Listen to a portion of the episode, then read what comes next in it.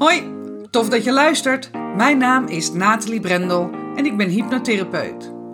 Ik vergelijk hypnose met hydraterende littekencrème. Smeer het op innerlijke littekens, die zijn veroorzaakt door trauma's, angsten en beperkte overtuigingen. En het litteken kan weer soepel worden. De pijn kan eruit. In deze podcast ga ik, naast hypnose, op zoek naar andere hydraterende littekencremes.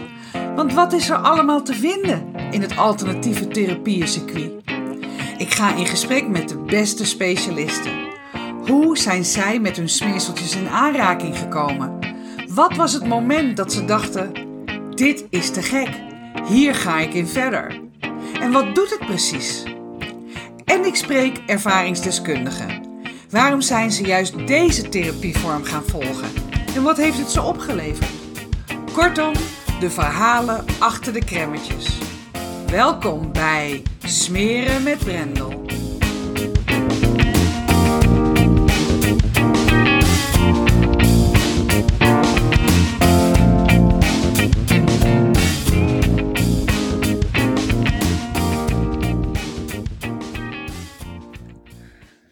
Ik had mezelf voorgenomen dat dit een one-taker zou worden. Daar heb ik me alweer niet aan gehouden. Dus dit is een two-taker. Maar nu gaat hij niet meer uit. Ik zou eigenlijk de podcast online zetten waarin ik een gesprek zou hebben met Casper. Uh, en Casper uh, Klarenbeek uh, komt, ik weet niet wanneer je deze podcast luistert, maar hij komt 9 februari online. En Casper is um, gastspreker in mijn event, bij mijn event op 13 maart. En Casper uh, is ongeneeslijk ziek. En daar zouden we een gesprek over hebben, omdat hij daar een manier voor gevonden heeft om daarmee om te gaan. Hij heeft daar ook een boek over geschreven. Um, dat heet Echt de Sjaak. Waarin het vooral gaat over mannen en hun emoties met betrekking tot ongeneeslijk ziek zijn. Dus hij heeft een mooi verhaal te vertellen, de dertiende, over het leven in het nu. En daar zouden wij afgelopen woensdag een gesprek over hebben. Maar Casper uh, meldde zich af omdat hij ziek is. Dus um, vanaf deze plek, Casper, uh, wens ik je heel veel beterschap. En uh, ik hoop dat we snel toch ons uh, gesprek mogen hebben. Um, ja, dus toen moest ik zelf een podcast gaan opnemen. En um, nou, dat was ik dus weer aan het uitstellen. En nu is het dus donderdagavond half negen. En gaat deze podcast morgen om zeven uur online. Dus ik um, hou het kort. Dat heb ik mezelf wel voorgenomen. Maar wat ik uh, deze podcast wil noemen is uh, durf te vragen. Want ik zit in een fase, ik ben bezig met een experiment om, uh, om mijn dromen voor dit jaar waar te maken. En ik merkte afgelopen week dat ik vast begon te lopen in um, of het allemaal wel zou lukken, of ik het allemaal wel zou kunnen. Um, en ik had daar allemaal gedachten over. En die speelde al wat langer in mijn hoofd. Dus ik, uh, ik ben ik, dus dan ga ik toch uh, op onderzoek uit en dan uh, help ik, uh, heb ik hulptroepen. Dus ik heb een, re een regressiesessie gedaan bij Jessica Griekspoor, die, waar ik ook een mooie podcast mee opgenomen heb. En zij heeft mij geholpen in een sessie teruggaand naar vorige levens. Um, of het je wel of niet wat zegt, maakt mij niet uit, maar uh, voor mij was dat een hele waardevolle sessie, waar in ieder geval ook mijn uh, gevoel um, van gebrek met betrekking tot geld of tekorten, um, waar dat vandaan kwam. En dat kwam in die regressiesessie mooi naar voren, dat dat iets is wat, wat ik al langer bij mij, met mij meedraag en dat ik dat ook los mag laten. Morgen uh, ga ik een uh, verbonden ademsessie doen en um, daarna changa roken. Ook een hele bijzondere ervaring uh, gaat dat zijn, die mij ook weer verder brengt.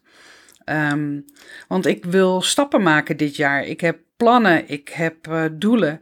En ik merk dat ik ja, op een of andere manier um, er nog niet helemaal zelf in geloof. En dat geloof begint toch steeds meer wel te komen. Ik sprak uh, vorige week uh, met Margreet van Stijn en zij heeft een uh, hele mooie essentie voor mij verwoord. waar ik, ehm, waar ik enorm blij mee ben, omdat dat inderdaad precies is wat ik voel ook dat ik te doen heb.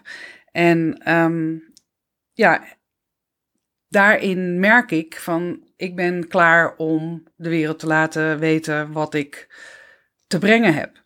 En op een of andere manier ben ik daar dan toch weer te bescheten voor. Um, maar nu dacht ik, uh, fuck it, ik heb, ik heb iets te brengen. En um, ik mag ook uitspreken wat ik, wat ik graag zou willen om, om dat verder te verspreiden. Ik ben bijvoorbeeld, um, nou de, niet aan het stalken, maar de, van de Saar-podcast.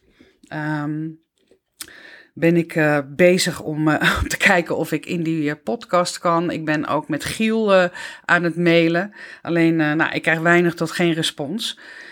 Um, maar ik ga het niet opgeven, want ik merk dat ik ook hele mooie gesprekken al heb. bijvoorbeeld, nou ja, Casper komt dan, maar ook Aljo Bril, um, Daniel Kluke.